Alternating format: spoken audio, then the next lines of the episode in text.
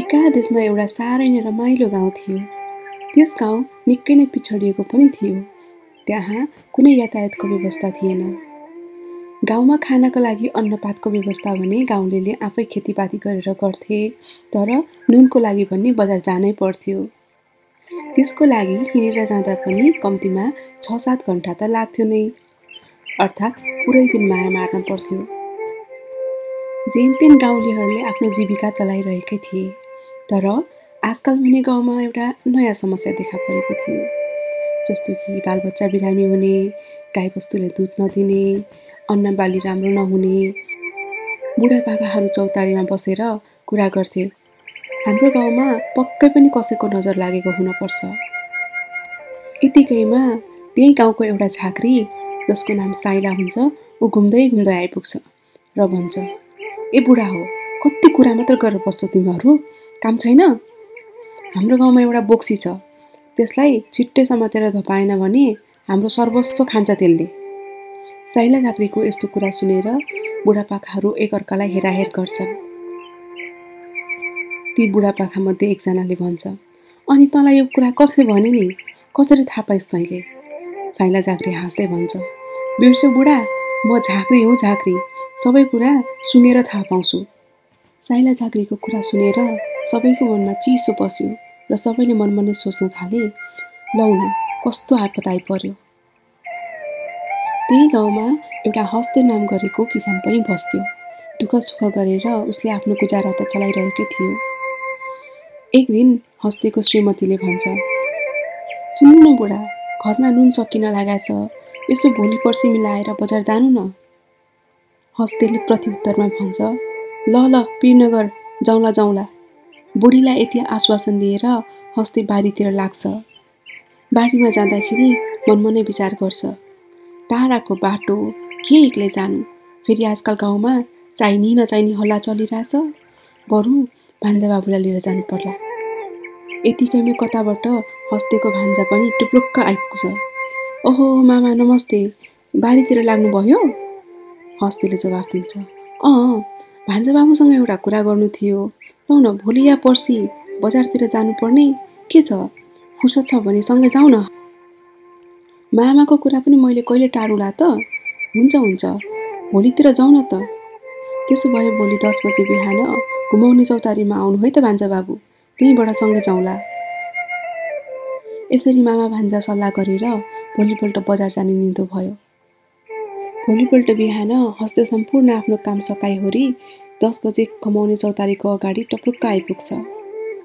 ऊ जमानामा अहिलेको जस्तो सबैको हातमा घडी र मोबाइल कहाँ हुन्थ्यो र सूर्यको गति हेरेर समयको अड्कल काट्न पर्थ्यो। र त्यही चौतारीमा बसेर हस्ते आफ्नो भान्जालाई कुर्न थाल्यो। यसो आकाशतिर हेर्दा सूर्य टाउकोमाथि आइपुगिसक्यो।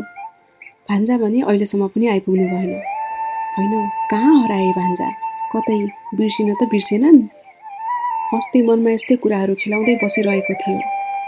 यतिकैमा एउटा मजाको छिर्के मिर्के कालो रातो भाले हस्तेको अगाडि पछाडि गरेर घुम्न थाल्यो। गाउँ सानो भएकोले कसको घरमा के जनावर छ भन्ने कुरा सबैलाई थाहा हुन्थ्यो र हस्तेले अर्कल काट्यो। यस्तो खालको भाले त कसैको पनि घरमा छैन। कतै यो जङ्गलबाट आएको त होइन। यसरी अर्कल काटेपछि उसले त्यस भालेलाई घर लैजाने निदो गर्यो। भालेलाई च्याप्प समातेर आफ्नो झोलामा हाल्यो। त्यतिकैमा भान्जा पनि स्यास्या र फ्याफा गर्दै आइपुगे। अनि भन्यो माफ गर्नुहोस् है अलि ढिलो भयो। आमाले गोठ सफा गरेर जा भन्नुभयो त्यही भएर। अनि हस्तेले पनि ठिकै छ नि त भन्दै आफ्नो झोलाको भाले देखाउँछ। भान्जा बाबु लामो जिब्रो काट्दै आमामा यत्रो ठुलो भाले कहाँबाट पाउनुभयो मामा? भन्दै प्रश्न गर्न थाल्यो। अनि हस्तेले जवाफ दियो सायद जङ्गलबाट आएको होला। गाउँमा यस्तो खालको भाले त कसैको पनि छैन। बरु बजार भोलि जाउँला भान्जा बाबु। आज अब यो भाले लगेर काटेर मजाले मासु भात खानुपर्छ।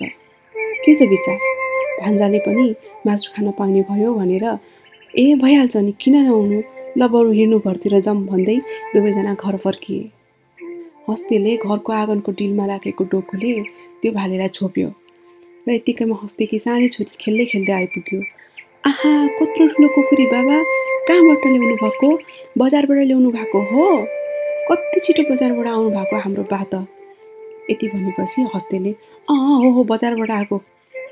जा गर उता गएर खेल भन्छ। र हस्तेको छोरी नाच्दै आहा आज त चिचिमामा खाने भन्दै नाच्दै आँगनको वरिपरि उफ्रिन्छे। कोट सफा गर्दै गरेकी हस्तेको बुढी पनि बाहिर आइपुगेर यसो हेर्छे। हेर्दा त डोकोले छोपेर राखेको गजबको भाले देखेर अचम्म पर्छे। होइन बजार हिँडेको बुढा कहाँबाट भाले लिएर आउनुभयो ह? यति सुनेर हस्तेले भन्छ हे आइज न यता भन्छु अनि कहाँ उहाँ बसेर चिच्याको अनि हस्तेले सबै कुरा बेली बिस्तार लाउँछ।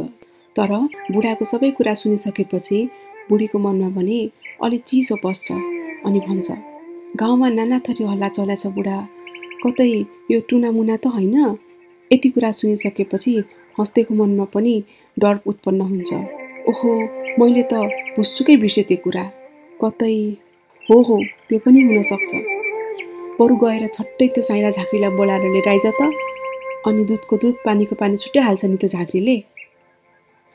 हस्तेको बुढी पनि स्यासेर फ्याफा गर्दै साइला झाँक्रीलाई लिएर एकैछिनमा आइपुग्छिन् र हस्तेले सबै कुरा बेर बिस्तार लाउँछ। ए चिन्ता नगर्नुहोस् म छँदैछु नि। म अहिलेको अहिले दुधको दुध पानीको पानी छुट्याइदिन्छु। ल पख्नुहोस्। यति भनेर उसले आफूसँग ल्याएको झोलाभित्रबाट आफ्नो ड्याङ्ग्रो निकाल्छ र साथै विभूति अभिर र अन्य पूजाको सामानहरू पनि निकाल्छ। ती पूजाको सामग्रीहरू कुखुरा चोपेको डोकोको वरिपरि छर्छ र विभूतिले गोरो घेरा बनाइदिन्छ अनि ढ्याङ्ग्रो बजाएर मन्त्र बरबराउँदै उफ्रिन थाल्छ। ढ्याङ्ग्रो बजेको आवाजले सम्पूर्ण गाउँलेहरू हस्तेको आँगनमा आइपुग्छन्। र ढ्याङ्ग्रो बजाउन छोडेर झाँक्रीले एउटा कालो कपडा माग्छ ल एउटा ठुलो खालको कालो कपडा ल्याएर यो डोकोलाई छोप्नु पर्यो। र हस्तेको बुढीले झट्टै एउटा ठुलो राडी लिएर आउँछ र डोकोलाई झ्याम्मै छोपिदिन्छ। अनि फेरि उफ्रिँदै कामदै बडबडाउँदै मन्त्र पढ्न थाल्छ। अनि आफूसँग ल्याएको विभूतिले र सातवटा घेरा डोकाको वरिपरि कोर्छ अनि भन्छ लौ मैले यसलाई मन्त्रले बाँधेको छु। अब बिस्तारै यो मन्डी ओहोर्नुहोस् यदि यो बोक्सीको रहेछ भनेदेखि अहिलेको अहिले पत्ता लाग्छ। यो आफ्नो असली रूपमा आइसक्यो आँगनको डिलको वरिपरि बसेका गाउँलेहरू पनि ठुल्ठुलो आँखा पार्दै डोकोतिर निहाल्छ र जब हस्तेले गाडी निकाल्छ त्यति बेला सबैको सातो जान्छ। आम्मै लौ न के देख्न पर्यो यो आँखाले? त्यो फाले त साँच्चीकै बोक्सी रहेछ सबैजना गाउँलेहरू आत्तिन्छन् तर साइला झाँक्रीले सबैलाई सान्त्वना दिँदै भन्छ केही डर मान्नु पर्दैन मैले यसलाई मन्त्रले बाँधेको छु। यसले केही पनि गर्न सक्दैन। साइलाको यति कुरा सुनिसकेपछि सबैजना अलिकति भए पनि शान्तिको सास फेर्छन्। तर महाअचम्मको कुरा चाहिँ त्यो बोक्सी अरू कोही नभएर त्यही गाउँको पण्डितकी बुढी थिइन्। यो सबै चर्तीकला पण्डितले पनि आँगनको टिममा बसेर हेरिरहेको थियो। जब पण्डितले आफ्नो बुढीलाई बोक्सीको रूपमा देख्छ त्यो पण्डित छाँगाबाट खसे जस्तै हुन्छ। अनि साइला झाँक्रीले भन्छ लौ अब तपाईँहरू नै भन्नुहोस् अब के गर्ने हो यिनलाई? अनि सबै गाउँलेहरूको सल्लाह अनुसार अबदेखि कसैलाई पनि दुःख नदिने यसो गरेमा गाउँ निकाला गर्ने भन्ने शर्तमा तिनलाई छोडिदिए।